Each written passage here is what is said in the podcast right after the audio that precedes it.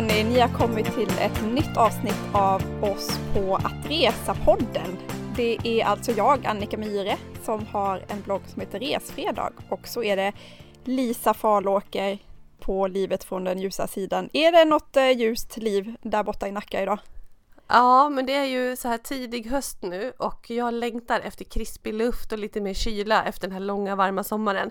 Men eh, det är en varm helg och jag är nästan, jag är lite trött på värmen faktiskt.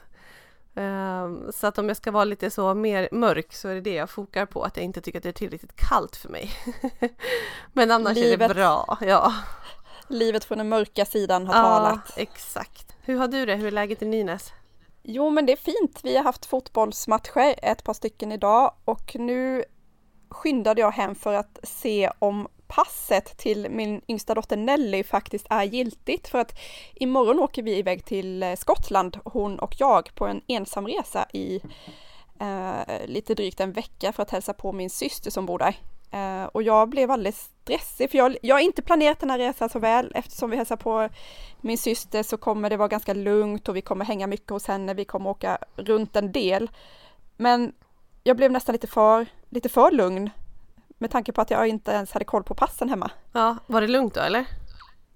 Ja, det var lugnt fast jag blir alltid lite tveksam när de ser ut, alltså hon är typ nyfödd på kortet och nu är hon ju ändå snart fyra. Eh, det ska ju funka eftersom eh, eh, passet är giltigt i fem år, men jag vet att hon kan bli lite sådär Um, inte jätteglada om man är för mycket bebis och, ja, på korten. Men har du fått fråga om det någon gång? Ja, det har jag fått. Ja, du har det? Mm. För det här känns också som en sån klassisk fråga men eh, våra barn har åkt med sina bebispass väldigt mycket jag har aldrig fått någon fråga eller ett höjt ögonbryn överhuvudtaget. Det är svårt att kunna identifiera en bebis med en nästan fullvuxet barn liksom. Jo. Jag förstår att det kan vara lite lurigt. Mm. Men inom Europa ska det inte, äh, det ska inte vara några problem. Nej, Eh, själv så insåg jag att eh, barnet, eller ett av barnens pass hade gått ut, eller kommer gå ut nu i november. För vi tog nämligen samtidigt och vi ska åka på resa i november just på höstlovsresa. Eh, så att du vet, det är alltid drygt man ska väga göra pass och det behöver vara att den andra föräldern skriver under så här, eh, godkännande att man får gå bara ena föräldern och göra pass åt barnet och det ska bevittnas av två personer. Ja, men det är lite pyssligt. Eh, och sen så har de ju bara de tider som de har och vanliga fall så hämtar vi hyfsat sent på förskola och skola. Eh, men till slut så kom i alla fall Henke iväg och han hade varit och hämtat och han hade med sig alla barnen ut och in och kommer in till passexpeditionen. Och då har vi tagit fel barn. Nej! jo, det var så här Stellas pass som har gått ut men han kom dit med Max, väldigt taggad. Så uh, vi måste fixa det innan vi ska åka iväg här om uh, två månader. Eller för sjutton, vi ska ju, ja men just det, ja, vi ska bort i slutet på september också men det är till Skottland och då tror jag att det gäller. Men mm, Ja du ser, fel barn, den har jag aldrig hört. Det var bra faktiskt. Lite besviket när man väl har tagit sig iväg liksom. Men i alla fall, vi kommer ju prata just om höstlovsresor idag, eller höstresor, eller en destination som är populär just på Sveriges vinterhalvår och framför allt kanske på just hösten och våren. Dubai. Vad har du för relation till Dubai? Ja men eh, Dubai hade inte jag haft alltså, jag hade inte alls stor koll på Dubai. Nu åker ju alla dit känns det som, men vi, vi, eh, vi åkte på en ganska spontan resa dit 2011.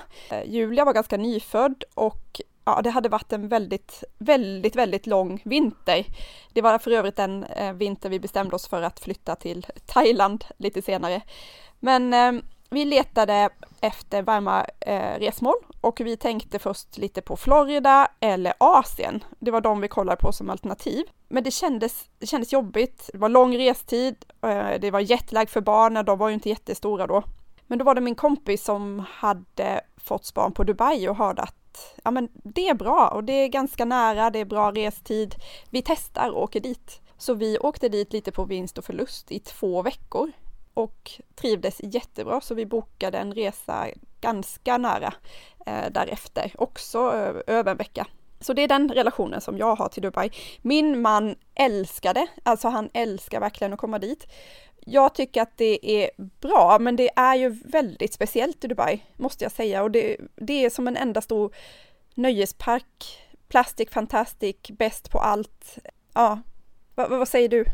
Jo, men alltså jag gillar Dubai jättemycket för jag tycker att man kan få så himla mycket av allt och Alltså jag är ju aktiv resenär på det sättet att jag både vill se och uppleva mycket men ändå Ja men du vet att det ska hända någonting så.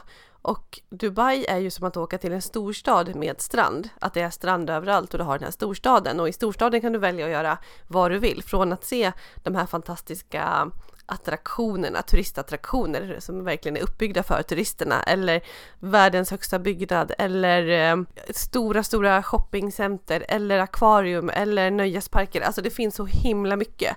Så man kan liksom, man kan välja vad man vill ha ut av en resa till Dubai. Men när det är så att man är ute efter sol och bad, ja men då funkar det också bra. Så jag tycker att Dubai är en sån här Ja men det är en eh, low hanging fruit höll jag på att säga. Nej men det är, det är lätt, det är varmt, det är bra, det är skönt, en annan kultur, det är en lagom resa. Eh, ja, men jag gillar Dubai. Sen är det inte en klassisk eh, kultur och att det finns lång tradition och att det är liksom just, ja men vad ska man säga, arvet i Dubai så. Det är det ju inte, för det är uppbyggt liksom. Men, ja, men jag, jag tycker att Dubai är bra. Det gör jag verkligen. Många av fördelarna som finns med, eh, med, Dubai som man kan räkna upp om man tänker på en lista så är det just att det, det är så otroligt solsäkert. Det är väldigt bra att åka dit om du vill ha sol och värme. Mellan oktober till maj är väl då som är mest skönast och behagligast att vara där. Det är väl mellan 20 och 30 grader. Vi var där precis i skarven december, januari och hade 25 grader varje dag. Jätte jättestabilt, inget regn. Och sen efter det så blir det väldigt varmt, 40 grader nästan varje dag. Men det är ju då man har alla Dubais inomhusattraktioner, för det är ju aircondition överallt och de hänger inomhus för det mesta och mycket är uppbyggt på att man ska kunna vara inne och roa sig. Ja men precis. Jag skulle kanske inte rekommendera att åka till Dubai när det är svensk högsommar för att det är sjukt varmt och då får man inte ut det som jag tycker att det är bra på destinationen. Eh, vi har också varit där över julen en gång och eh, då var det ganska svalt skulle jag säga. Det hade dragit in något regnväder just innan så det var typ 18-20. Eh, å andra sidan vet jag att det året var typ 14 på Kanarieöarna. Så att Dubai är ju definitivt varmare än Kanarieöarna typ oftast, alltså om man ser på ett genomsnitt. Sen kan man ha tur eller otur. Eh, vi har också varit där under påsken en gång, typ i april någon gång och då var det jättevarmt och härligt, typ kanske 25. Eh, det har inte varit den här extrema hettan, det har vi inte varit med om. Och då har vi varit där nu några gånger under några olika tillfällen. Då. Nej, men det är också en av de, när du pratar om Kanarieöarna, alltså som det tar ungefär sex timmar att flyga till. Och det är ju samma flygtid till Dubai. Det tar sex, sju timmar ungefär att flyga. Direktflyg, jag vet att både Norwegian och eh, Emirates till exempel då flyger dit. Och inte jättedyrt faktiskt heller att resa dit om man har bra koll på, på sina biljetter. Nej men man tror ju att det kan vara oerhört dyrt och vi har flugit Emirates och då vet jag att vi jämförde Emirates och Norwegian och det var ganska lika. Norwegian har, eller hade då och har just nu i alla fall, ganska stökiga tider. Att man flyger väldigt sent på kvällen och på natten. Jag tror till och med att det är något flyg som kommer fram eller om man åker från Dubai vid två tiden på natten. Alltså det är väldigt trixiga tider. Och på Norwegian så lägger man också på om man ska ha mat, om man, väskor kan kosta extra och så vidare. Medan Emirates har allt inkluderat och då valde vi Emirates i alla fall. Eh, det blev ungefär samma pris. Jag gjorde en liten koll för hur de låg nu ganska sent i november, titta det var inte just höstlovet men i november och eh, det låg på alltså två vuxna och två barn runt 18 000 tur och retur. Så ungefär 5 000 per vuxen och det verkar vara någon form av ganska rimlig nivå att hamna på för att åka till eh, Dubai tur och retur. Sen kan man ju alltid ha tur eller otur och att, eh, eller hitta mer eller mindre bra, bra biljetter. Men eh, någonstans där. En annan sak som som många uppskattar, som är skönt också om man åker som barnfamilj, är att det är väldigt rent och tryggt. Alltså man kan gå på gatorna eh, och man känner sig väldigt trygg. Det är väldigt låg brottslighet. Eh, det har ju också en, en mörkare sida som är att de är otroligt Gör man någonting, då åker du liksom fast. Du kan åka livstid till, för inte så stora brott, tänker jag, tänker jag mig. Eh, de har inte så hög toleransnivå på brottslighet. Nej, jag har hört ryktas det också. Det är ingenting som jag har märkt på det sättet när jag har varit där, men absolut, åker man till Dubai ska man vara påläst om vad som är okej att göra och inte och följa lagar och regler som gäller där. Men sen också apropå det som du sa med att det är tryggt och sådär. Just uh, vår senaste gång som vi var där, då var Meja, alltså vår minsting, hon var fyra månader. Hon fyllde det precis, eller alltså hon blev fyra månader på dagen som vi åkte eller någon dag innan. Och jag vet inte hur du känner, men jag har varit lite så här, alltså de allra minsta bebisarna, känns kanske inte jättekul att ut och flyga med dem och man vill veta hur sjukvården är. Och vid det här tillfället så valde vi på Kap Verde. Jag var lite nyfiken på det, jag har inte varit där. Så det var de två vi valde. Men det var ändå så här, men då, då var det sjukvården och den här tryggheten kring det och renlighet och så vidare som kändes som att det var avgörande för att det blev Dubai för oss den gången. Ja, alla alla pratar ju typ engelska. Eh, nästan alla i alla fall pratar engelska och, och skyltarna är ju både på arabiska och, och engelska så det är också lätt att ta sig runt. Och sen har man låg tidsskillnad. Den ligger på tre timmar eller när vi har sommartid så är det två timmar. Så den är inte heller lång så att flyga sex timmar direkt och ha en låg tidsomställning det är ju smidigt.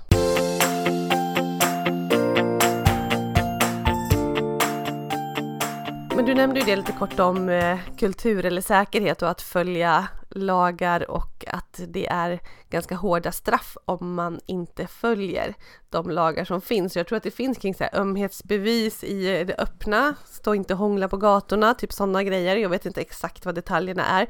Men generellt, kultur, vad behöver man veta? Hur strikt är det? Klädde du på dig eh, långärmat överallt och sådär?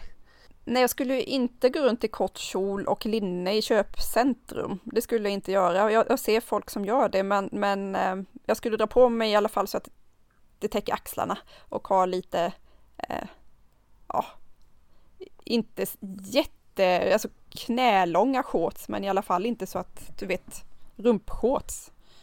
Nej. som du brukar ha? Ja, som jag ja. alltid. Nej men det står faktiskt, i köpcentrum så står det ju skyltar på att man inte får ha sådana kläder.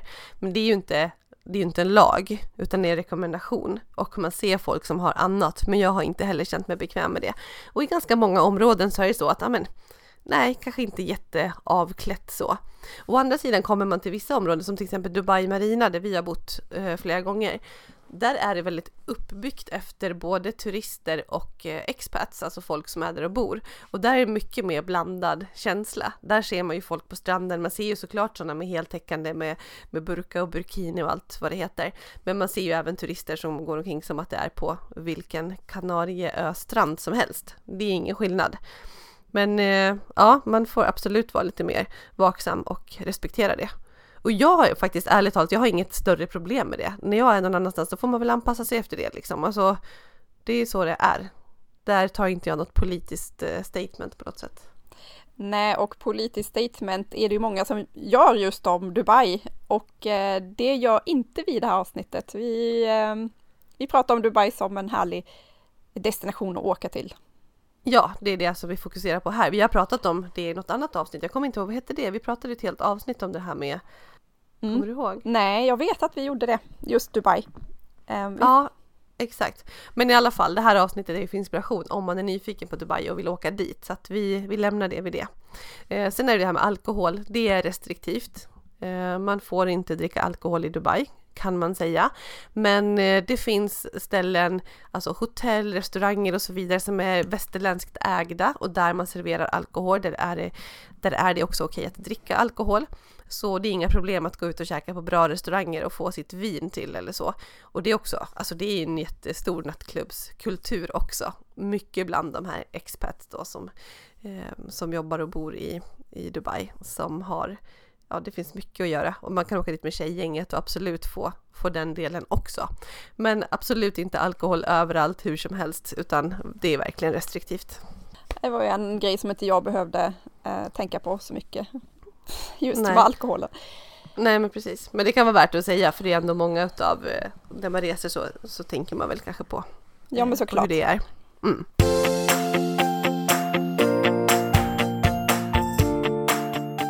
Är man i Dubai så är det möjligt att göra av med ungefär hur mycket pengar som helst, för det finns otroligt mycket saker att göra, aktiviteter som är det största vattenlandet, det bästa, det häftigaste och sådär. Eh, så ska man veta också att det går att göra av med väldigt lite pengar, för eh, vi var där i två veckor och hade ganska små barn och var inte ute på alla de här nöjesparkerna och grejerna. Och det finns ju liksom saker att göra som inte kostar också. Men vi tänkte väl köra några av de aktiviteterna som ändå finns, som kostar pengar, som finns ja, att välja på. Eller lite både och skulle jag säga. Eh, första gången vi var i Dubai, då ville vi ändå se lite utav vad som fanns där från början. Nu har jag pratat om att det inte finns egentligen något autentiskt överhuvudtaget, men det gör det ju. Alltså det finns ju så här gamla Dubai typ som det finns i alla städer. Någonstans där det började liksom, där det kretsade kring. Eh, vi gick jättemycket, bara promenerade, promenerade, promenerade i de här gamla stadsdelarna. Eh, Bur Dubai och Deira heter det. Och eh, där låg eh, ja, museum, moskéer och det kändes att det var äldre bebyggelse, ganska låga eh, hus, mycket så här innergårdar med typ så här konstgallerier och eh, ja men det var en lugnare känsla just där. Så det tyckte jag faktiskt var jättekul bara att gå där bara för att få en känsla utav ja men vad som var från början helt enkelt. Sen finns det också mm, så här, flera socker, alltså typ som eh, basarer eller vad kallar man det för egentligen? Marknadsplatser typ. Där de har olika inriktning, typ eh, guldsocken, kryddsocken och så vidare. Så de ligger nära gamla Dubai då och så kan man åka som en båt på kanalen över från ena sidan till den andra. Och den här båten den kostar typ ingenting och det är mer ett vanligt transportsätt som man i Dubai tar sig från den ena sidan utav, utav floden till den andra. Absolut att det är en turistgrej också för att åka mellan just guldsocken och eh, jag kommer inte ihåg om det var textilsocken eller kryddsocken. Eh, men det är ett sätt att göra det i alla fall. Och jag tyckte det var jättecharmigt att åka en sån båt det heter Deira, eller vad heter de här båtarna? Kommer du ihåg det? Det området heter Deira, precis. Ja. Eh, som man åker över till från, det, det, alltså den floden om man säger, det kallas för The Creek som går igenom ett vattendrag och då har du Bur Dubai, alltså gamla Dubai på ena sidan och Deira som också är en del av det gamla på andra sidan. Så det är som två olika stadsdelar. Just det. Men jag funderar på vad de här båtarna heter, de här klassiska. Jag tappar namnet på dem nu. Bra fråga. Ja. Nej, det vet inte jag. Ja, men precis. De heter Abra båt. Men man kan inte ta fel utan man tar de här klassiska eh, båtarna, Abra. Mm, en annan sak då som inte behöver kosta några pengar alls, som vi gjorde ganska mycket ändå när vi var där. Eh, vi åkte till en park som heter Creek Park. Nej, Creekside Park heter det. Eh, efter stranden så brukade vi gå och fylla på med lite parkhäng i, eh, ja, det är mer skuggor, det är palmer och det finns här, cyklar man kan hyra och cykla omkring. Det är väldigt lugnt och många av eh, lokalborna eh, går dit på eftermiddagen och typ har picknick. Det finns lite lekparker och sådär. Där brukade vi också hänga. Grönt och lugnt. Just det. Sen någonting som är väldigt känt är ju fontänen, The Dubai Fountain, som är eh, en helt magisk fontän som ligger i Burj Khalifa som är det, det högsta byggnaden. Eh, nej men det är en stor fontän och eh, där har de ett skådespel och det är som att vattnet dansar. Man spelar musik jättehögt här. Och i takt med det så rör sig fontänen i helt magiska rörelser. Och eh, Ja, det är så svårt att förklara men det är verkligen coolt, alltså jättemäktigt. Och det kan vara ibland är det opera, de ändrar de här skådespelen kan man säga. Så att ibland är det opera och ibland är det något annat och sen så är det både eh, att vattnet rör sig och också att det är eh, ljus, typ neonlampor i takt med det här. Så det syns ju bäst på kvällen men det är väldigt coolt även på dagen. Och de går med regelbundet intervall, det är lite olika beroende på vad klockan är på dagen. Men det ska man kolla upp och det är alltså, alltså det är typ 7000 lampor har jag hört. Och jag har läst någonstans att det bildar den starkast lysande punkten på jorden. Om det stämmer, det vågar jag inte svara på, men eh, det kan ju låta troligt med tanke på att det är Dubai. Och de här vattenstrålarna, de når upp till 150 meter upp i luften. Så det är verkligen så häftigt. Det är gratis, det är mycket folk där ute, men det är också lite beroende på när man är där och vilken tid och så vidare. Vi har varit där när det varit ganska lite folk och också när det har varit helt packat. Runt där, eh, för det här är också vid köpcentret då och vid Burj Khalifa som sagt som är den högsta byggnaden. Men runt där så ligger en massa uteserveringar, restauranger med uteservering och det är allt från kedjor, typ Vapiano och eh, Cheesecake Factory och massa sådana och de har ju ganska normala priser om man säger så. Det är inte någonting som är extremt dyrt och där kan man lätt få plats på uteserveringen och sitta och kolla på fontänshowen därifrån. Sen kan det vara härligt att gå fram och ställa sig och få jättebra plats också längst fram. Men eh, den är värd att kolla på utan tvekan skulle jag säga och den är också gratis. Mm, och om man ändå är där, vi kombinerar det med att faktiskt gå till Burj Khalifa, alltså det här superhöga tornet, världens högsta byggnad som man har hört så mycket om. Det ligger precis där, vid fontänen. Och vi la ändå pengar på att faktiskt åka upp. Hela familjen gjorde det på kvällstid och fick en väldigt fin vy över hela Dubai med alla lampor som lyste och bilar som körde och ja, det var dyrt alltså, men jag tycker att jag tycker att det var värt att åka upp. Vi tyckte att det var det allihopa, även om barnen var små så en häftig upplevelse. Och man susar upp den där hissen och det bara slår lock för öronen och det är, ja, jag kan inte ens fatta hur de får upp hissen så högt, så snabbt. Nej men verkligen och eh, det går ju så snabbt mellan våningarna så att det är som ett bara smatterband, att man ser att det bara fladdrar de här våningarna. Det är så coolt. Men jag vet inte, det kostar runt 500 kronor eller något sånt per person. Det är lite billigare om man förbokar, vilket man absolut ska göra, för då kan man boka både lite billigare biljetter och eh, att man bestämmer vilken tid man ska gå om man kommer lite före köer och sådär, för det kan vara jättemycket folk. Så att förboka, det är mitt tips. Men jag vet inte om jag tycker att det var värt det. Alltså jag känner att det är lite överskattat. Det är klart, det är kul att ha varit upp där, men eh, till de pengarna, alltså nej. Och dessutom när man åker upp och har man betalt för att komma upp så visar det sig att okej, okay, nu kom du till våning, alltså nu kommer jag inte ihåg vilken våning det är, men vill du åka ytterligare 50 våningar så kostar det mer. Så någonstans kommer du inte upp till det högsta i alla fall, utan då kostar det ännu mer. Nej, ah, det finns, det finns ju säkert en massa häftiga tornbyggnader som du kan åka upp till helt gratis med rooftop bars och sådär, där du mm. säkert får en, en liknande utsikt. Men jag tycker en gång i livet, jag är glad att jag har varit uppe ändå. Ja, och när man lyssnar runt, jag skulle nog säga att utav folk som jag har pratat med så kanske 80% tycker att det verkligen är värt det. Och jag tillhör de andra 20 som tycker att man kan lägga sina pengar på något annat. Men eh, mm, till exempel, vad skulle du lägga pengarna på i Dubai då? Åh, jag skulle lägga pengarna på en Friday brunch. Nu ska vi inte hoppa in på mat riktigt än, men apropå matscen och eh, så, så är det ganska mycket så att det finns väldigt mycket bra restauranger. Ofta ligger de på hotellen och Friday brunch är ett koncept där, ungefär som våra söndagsbruncher. Men det är så mycket mer mat. Och det är så mycket lyxigare mat. Alltså vi pratar att någon står och gör färsk sushi och att det är hummer och skaldjur och eh, så här små skedar med vackra små kompositioner på utav lyxigaste råvarorna. Det här kostar ganska mycket, det kanske kostar ah, Ja, det är olika såklart vad det är för klass på stället där du är, men generellt är det här, det, det är så, så himla hög nivå på det, så det kanske kostar så här 800 kronor per person eller någonting. Det är som att gå på lyxigaste New York-stället på en, eh, på en brunch helt enkelt. Men det är ofta så bra. Och det här är egentligen någonting som många gör för att eh, fira in helgen. Så mycket expats framför allt. Det är mycket vin på de här också, många ställen är det värsta partyt från liksom fredag eftermiddag. Vi var på en mer barnvänlig variant och då var det liksom hoppborg i ett hörn på den här restaurangen och ansiktsmålning och alltså allt är så extremt runt omkring.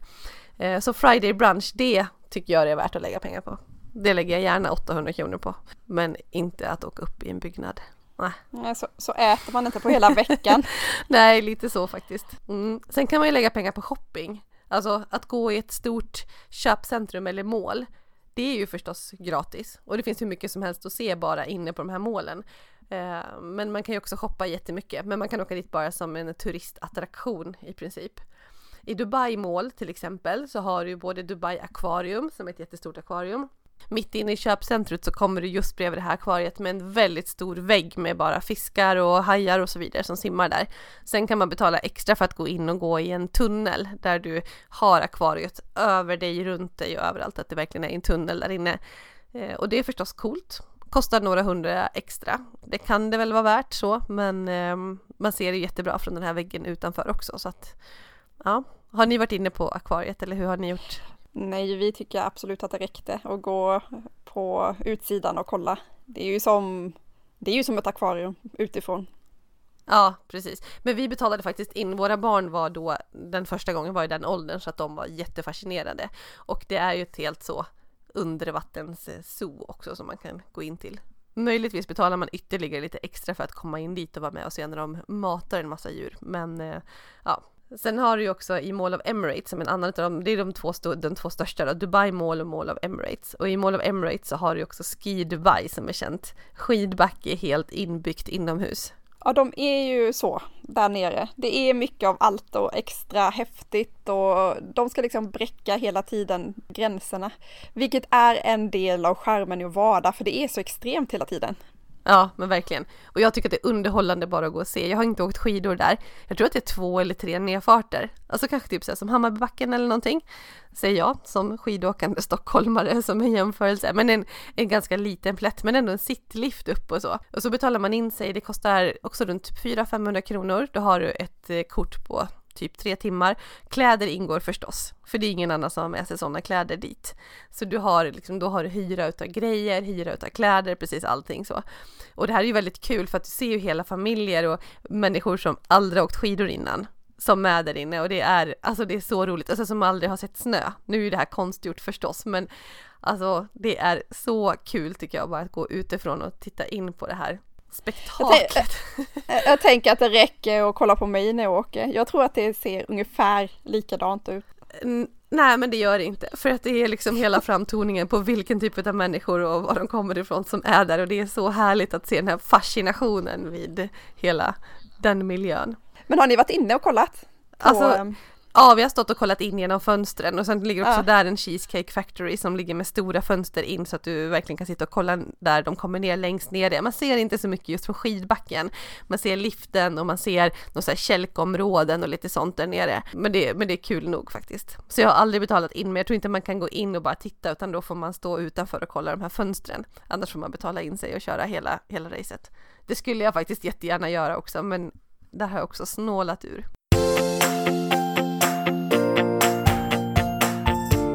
En annan utflykt som, eller aktivitet som vi la pengar på att göra när vi var där nu senast, det var att eh, ta en utflykt till Abu Dhabi. Alltså Dubai är ett av sju emirat som tillsammans då utgör Förenade Arabemiraten och eh, ett av de andra emiraten är Abu Dhabi. Eh, och då bokade vi en utflykt via hotellet, alltså de har ju sådana här små paket och man kan säkert gå runt och jämföra. Vi tyckte det var ganska smidigt att ta eh, från där vi bodde. Och då gjorde vi en dagstur, de kom upp och hämtade oss tidigt och sen åkte vi över och eh, höjdpunkter på den här dagen var att komma till den stora moskén, eh, Sheikh Zayed Grand moskén som är en helt magnifik moské där man får gå in och kolla.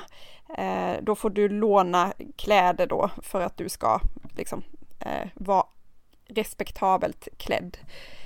Det är en riktigt häftig upplevelse och eh, komma dit. Och det är bara stort, vitt, skimrande. Ja, det var så vitt så att vi blev bländade alltså. Man behövde ja. solglasögon nästan för det, solen låg på så mycket och det är som att du bara går in i tusen och en natt, någon sån här sago eh, sagobild framför dig, den här stora, stora vita byggnaden och sen så kommer man in i, eh, i, i salen där det är liksom smyckat från topp till tå, alltså det är så himla fint. Mm. Och i Abu Dhabi, jag tror att det är där också som det ligger det här Ferrari World som är ett jättestort nöjescentrum. Och pratar man nöjesparker och Dubai, då är det svårt att börja prata om vilka som finns, vart man ska. Alltså dels kan jag säga att inte vi har varit där för att det kostar hur mycket som helst och våra barn har varit lite yngre när vi har varit där. Jag tycker inte att det är värt att kosta på sånt där på sexåringar. Börjar de bli 10, 12, 13 eller ja men säg 10-årsåldern, då fattar de ju skillnaden mellan Gröna Lund och det här. Det gör de inte när de är yngre, så jag har liksom inte tyckt att det är värt. Men eh, det finns eh, bland annat i Abu Dhabi, men nu finns det också runt om i eh, Dubai och det är Legoland och det finns alltså så mycket roliga ställen om man gillar sånt. Vattenland utöver det, självklart. Och när vi pratar akvarium som jag var lite inne på så finns ju det i Atlantis de Palm. De har i sitt vattenland så åker man igenom akvarium på vissa ställen. Det ska vara någonting alldeles, alldeles extra. Eh, något annat som jag har fått tips om är Kids Zone, eller Kidsania tror jag att det här stället heter. Det är en kedja som finns på flera olika ställen. Och det är som ett enormt lekland där barnen får lära sig att jobba. De får gå in och köra brandbil till exempel för att tjäna, tjäna pengar som de sen kan använda och gå och handla i butiker. Ja men det är ett helt koncept kring det här. Och vi har flera vänner som har varit där som bara ni måste åka dit. Men jag är inget jättefan av lekland och jag har inte varit sugen på att göra det här när jag är i Dubai. Jag tycker att det finns annat att göra. Men eh, det är alltså Dubai för barn, alltså herregud.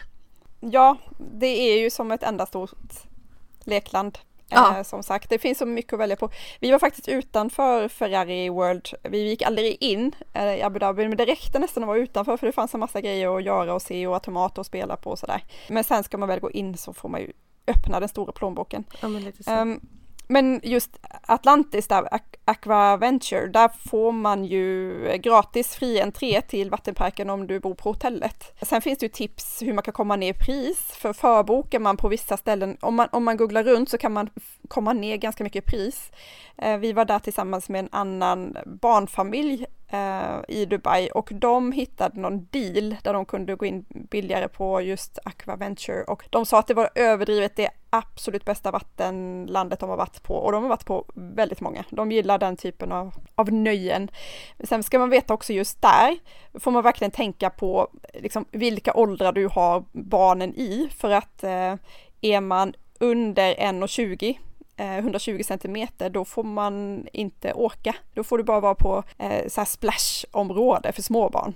Mm. Så då måste ju en av föräldrarna ändå hänga liksom, ja, man, man, får tänka till där och kolla upp på eh, vad som gäller för åldrar och längder och sådär för att få ut maximalt av vistelsen. Just det. Någonting annat som vi gjorde som jag också tycker att det verkligen var värt, det var att vi åkte på jeepsafari eller så ökensafari ute i öknen utanför Dubai. Det var samma sak där att vi blev upp, upphämtade på hotellet på morgonen. Vi åkte ut med den här jeepen ut i öknen och eh, sen fanns det olika turer att välja på om det skulle vara lite mer adrenalin, att de skulle köra lite tuffare över de här sanddynorna eller om man vill ha en lite lugnare tur. Och vi hade valt lugnare för att som sagt Meja var fyra månader på typ dagen och de andra barnen var ju då, ja, vad blir det, fem och sju eller något sånt där. Men framförallt för Mejas skull, för hon skulle ju hänga med och jag vet inte ens om man egentligen fick ha med så små barn, men de sa ingenting och vi hade skrivit det liksom att det, det var en liten bebis med i bilstol förstås. Vi hade med babyskyddet åt henne. Eh, men jag tror inte vi hamnar på någon lugn tur för att alltså, det kördes så mycket jeep på de här sanddynorna. Det var så galet roligt. De bara åker och slirar och man tänker men det kan inte gå att man ska hålla sig utan att vippa, men de har ju koll på det där. Jag har, jag har faktiskt inte hört talas om någon som det, som det har hänt någon olycka, men det var några som så här, varnade oss lite för det, att så här, oj oj, men det vet ni väl inte hur det är typ. Men jag kände mig inte ett dugg orolig så, men det kittlade i magen. Barnen tjöt av skratt. Mina barn är, alltså de tycker sånt är kul, liksom de åker allt på alla ställen så. Men de tyckte det var så sjukt roligt och Meja satt där, jag fick sitta och hålla i hennes huvud för att hon inte skulle skaka för mycket i sitt lilla babyskydd där, så här fastspänd förstås och vi hade med eh, bilkuddar till barnen också. Men det var verkligen roligt och superhärligt att komma ut i, i öknen så. Sen är det mycket turister, absolut, det här är en superturistattraktion, verkligen. Men det störde inte oss. Man åker som i karavan, man får inte åka själv ifall att man fastnar och så. Vilket vi gjorde också, då fick de komma ut och gräva loss oss med, eh, med spadar från en massa olika bilar så att vi skulle komma loss från en sanddyn så. Eh, men man åker i karavan och sen kan man se flera olika gäng som är hyfsat i närheten. Men jag tyckte inte att det kändes som att det var bilar överallt eller så, utan jag tyckte att det här var en grymt häftig upplevelse. Ja, och sen avslutar man det väl med någon slags eh, magdans hej och hå på kvällen och middag. Eller i något beduint, ja. beduin, genuint beduintält. Verkligen genuint. Ja, nej men precis så är det, man avslutar med en middag. Jag tycker maten var ganska bra, men de har alltså byggt upp som en bedu, beduincamp typ mitt i, mitt i öknen så. Så man avslutar där, sitter vid långbord och käkar mat som man går och hämtar så här grill och massa olika metse, typ så här smårätter och så. Men magdansen, det var högljutt, vi var trötta, barnen ville hem, vi ville hem alltså jag tyckte inte det var så himla kul så för min del skulle jag kunna vara utan det. Och där finns det ändå i olika nivåer att du kan ha VIP, super-VIP mittemellan, alltså hur lyxigt det är. Men jag vet inte om man kom till samma ställe eller om det, om det verkligen var olika. För vi hade ett bra paket för att det skulle vara ganska bra mat. Men ja, maten var okej, men det var inte jättegenuint och då kände vi oss lite så här slussade dit. Och så var det också så här kamelridning, stå på kö för att rida ett litet varv på kamelerna och nej, alltså mm, men det var värt det för ökensafarit. Är det så som jag tänker, vi har aldrig gjort någon sån här safari, att, att det blir ganska kallt på kvällen där ute? Exakt, ja men precis, ja men det har du rätt i. Det är jättebra att poängtera för att man, man behöver ha med sig en tröja. Det blev aldrig kallt när vi var där och det här var ju som sagt i typ april, mars-april någon gång. Men, eh, men så är det, att det kan bli ganska kallt i öknen på, på kvällen.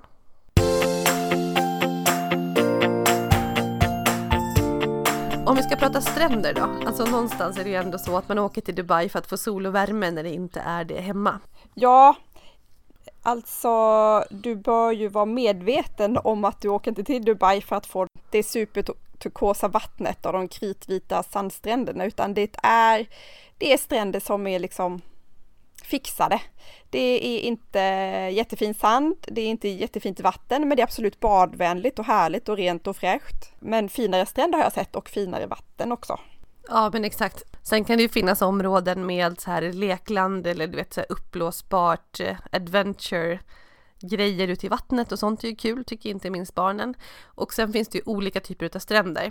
Men ja, nej, det är inte vajande palmer på det sättet och hela den, eller det är klart det finns palmer i Dubai, men eh, det är inte, det är inte Filippinerna det här, det är det inte.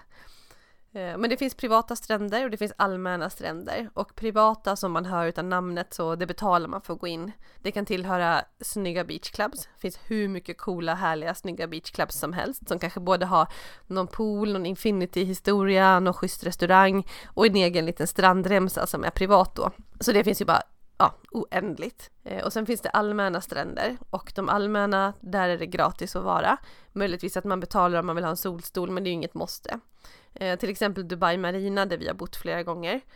Eh, där är det en helt allmän strand och den är, den är schysst. finns hur mycket som helst att göra. Det känns inte som att man ligger jättepackat men det är ju såklart inte, inte luftigt heller. När vi hängde nästan hela tiden på Jumeirah Beach som också är då en publikstrand. Och eh, så det fanns precis det vi behövde. Det var fräscha toaletter, små kiosker med väldigt prisvärda fika, så här chips och glass och muffins och grejer. Någon lekpark och löpbana hade de också där.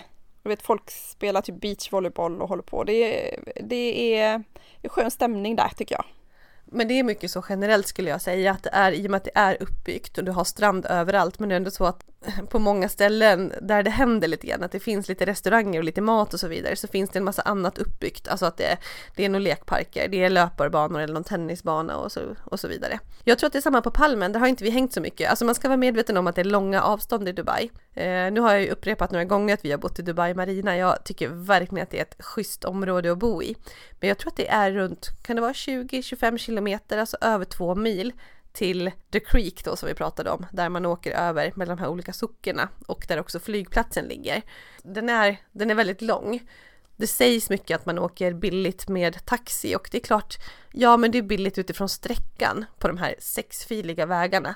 Men samtidigt, det drar ju ett par hundra kronor så fort du ska åka från ena sidan till den andra om du ska åka så långt som typ två mil.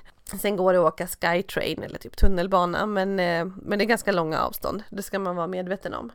Så Ja, vi har som sagt hängt mycket då i Dubai Marina och inte varit ut på Palmen för det blir ju samma sak åt andra hållet att då ska du åka först en bit och sen ytterligare ut där. Och det är konstgjort allt såklart och det är väldigt mycket bostäder, hotell och så vidare och mycket beachclubs. Men jag skulle jättegärna hänga där, jag tror att det kan vara grymma ställen som finns där men jag har inte tagit mig för att åka ut så. Om, om man ska förklara lite var allting ligger då så Dubai Marina där ni, eh, där ni bodde och så pratar man om de här palmerna, alltså det är de här kända, kända vyerna, så åker man helikopter eller flygplan ovanifrån så är det alltså konstgjorda öar som är uppbyggda så det ser ut som en, som en palm ovanifrån. Mm. Då pratar man om The Palm Jumeirah eh, och det var väl i närheten då där ni bor, i Dubai Marina. Mm. Och så finns det Palm Jebel Ali. Och det, alltså man kan säga att när de började bygga de här palmerna så var det tänkt att bli tre stycken olika, man kallar det för en trilogi, det var tre olika byggprojekt. Så var dels den här palmen eh, Jumeirah och sen Jebel Ali eh, och sen så var det tänkt, eller det är tänkt att det ska finnas en tredje som heter Palm Deira, alltså i centrala Dubai. Men eh, den har blivit lagd lite på is för att eh, kostar så mycket pengar och eh, det blev någon finansiell kris i hela världen där så de la de planerna lite på is med tanken att den också ska komma då så att det är tre olika sådana här palmer. Ja och det är väl Jumeirah som är mest känd och där Atlantis de Palm ligger längst ut. Precis. Och Dubai Marina då, om man ska berätta om det lite mer och varför jag faktiskt förespråkar att bo där, det är att det är liksom ett helt nytt område som man har byggt för, vad kan det vara, 10 till 5 år sedan, kanske fortfarande byggs. Men det finns allt där. Du har den här allmänna stranden, du har jättemycket hotell, du har en lång strandpromenad och Marina, ja men det är en konstgjord hamn. Så att man åker in liksom bakom stranden så finns det ett hamnområde också. Det ligger en massa helt oerhört snygga, lyxiga, dyra båtar. Jättekul att gå och titta på. Men det är också en promenad runt hela, hela den hamnen. Så att det finns verkligen, här finns det gångvägar. Man kan gå ut och jogga och se ut som man vill, helt enkelt med linne eller vad man nu vill. För att det är så himla ja, nybyggt och så mycket turister och så där.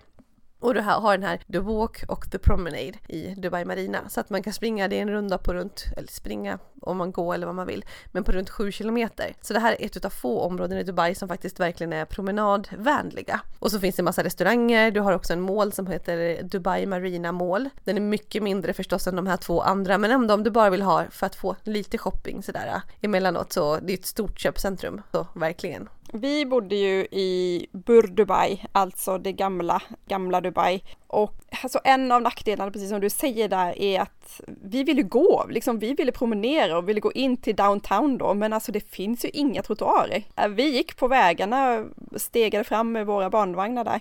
Det är en av nackdelarna tycker jag, eh, just att det, åh, det skulle vara häftigt om man bara skulle kunna gå eller springa runt. Men eh, vi, vi trivdes jättebra i Bur Dubai ändå. Där är det väldigt mycket, alltså det är normalt folkliv på kvällarna, det är inte jättesupermycket turister. Jag kan tänka mig att Marina, det är verkligen byggt för turister, men i det gamla området så det är superinternationellt. Mycket indier, pakistanier. Det är liksom lokala Dubai det är vanliga små restauranger, taxichaufförerna sitter där och käkar, det är prisvärt och eh, ja men vi hittade bra lägenhetshotell där, där vi kunde köra självhushåll och eh, ja men vi trivdes väldigt bra. Och det är ju annat, ett annat bra tips faktiskt, att kunna bo i lägenhet och laga lite mat hemma eller komma undan att köpa all mat ute för att det, det drar ju iväg som sagt kostnadsmässigt så det är ju ett bra tips. Eh, downtown pratar man också om ibland och det är det som är mitt i smeten och urbant, lite häftigt så och som är nära till de här shoppingmålen och så finns det ju massor, massor med hotell där. Även om det kanske är lite mer så att det är väldigt dyrt. Så vill man bo mitt i och ha nära till shoppingmålen och så vidare så är nog det ett ganska bra område att bo i. Dubai Marina, Marina blir lite mer isolerat. Där har du allt där du är och behöver egentligen inte åka någon annanstans. Men eh, downtown har du mer närmare överallt. Mm, så det gäller att tänka ut då vad du vill ha ut av eh, boendet, vad du vill, vad du tror att du kommer spendera mest tid och sen tänka lite på det. Mm.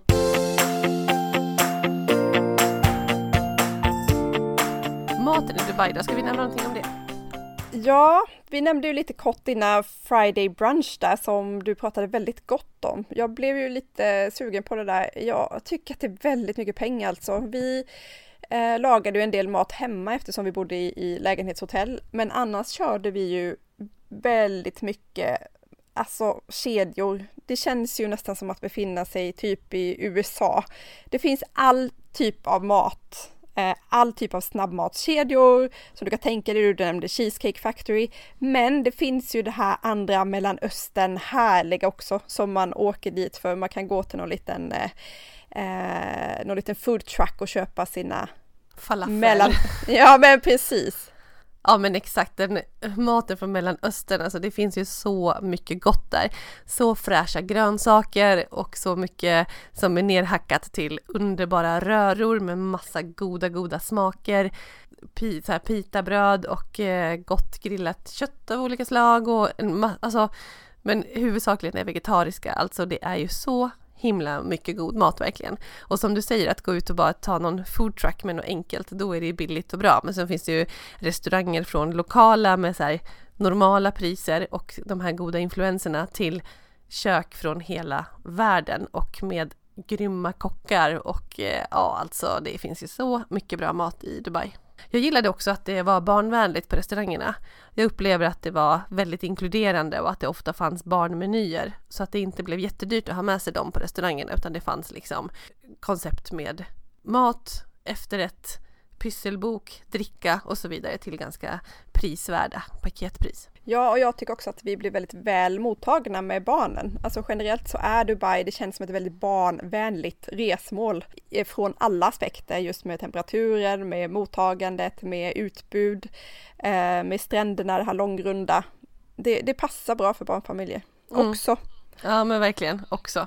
Innebär det att ni kommer åka tillbaka? Ja, men vi satt faktiskt och pratade om Dubai vid middagen nu innan vi skulle spela in podden så satt vi och pratade, ja men eh, Eh, berättade att vi skulle köra ett avsnitt bara om Dubai och då hörde jag Julia, alltså vår åttaåring. Vi var ju där senast nu när hon var fyra och ända sedan vi var där så har hon sagt att Dubai är hennes favoritresmål. Hon trivdes väldigt bra där. Eh, hon och min man håller det extremt högt upp.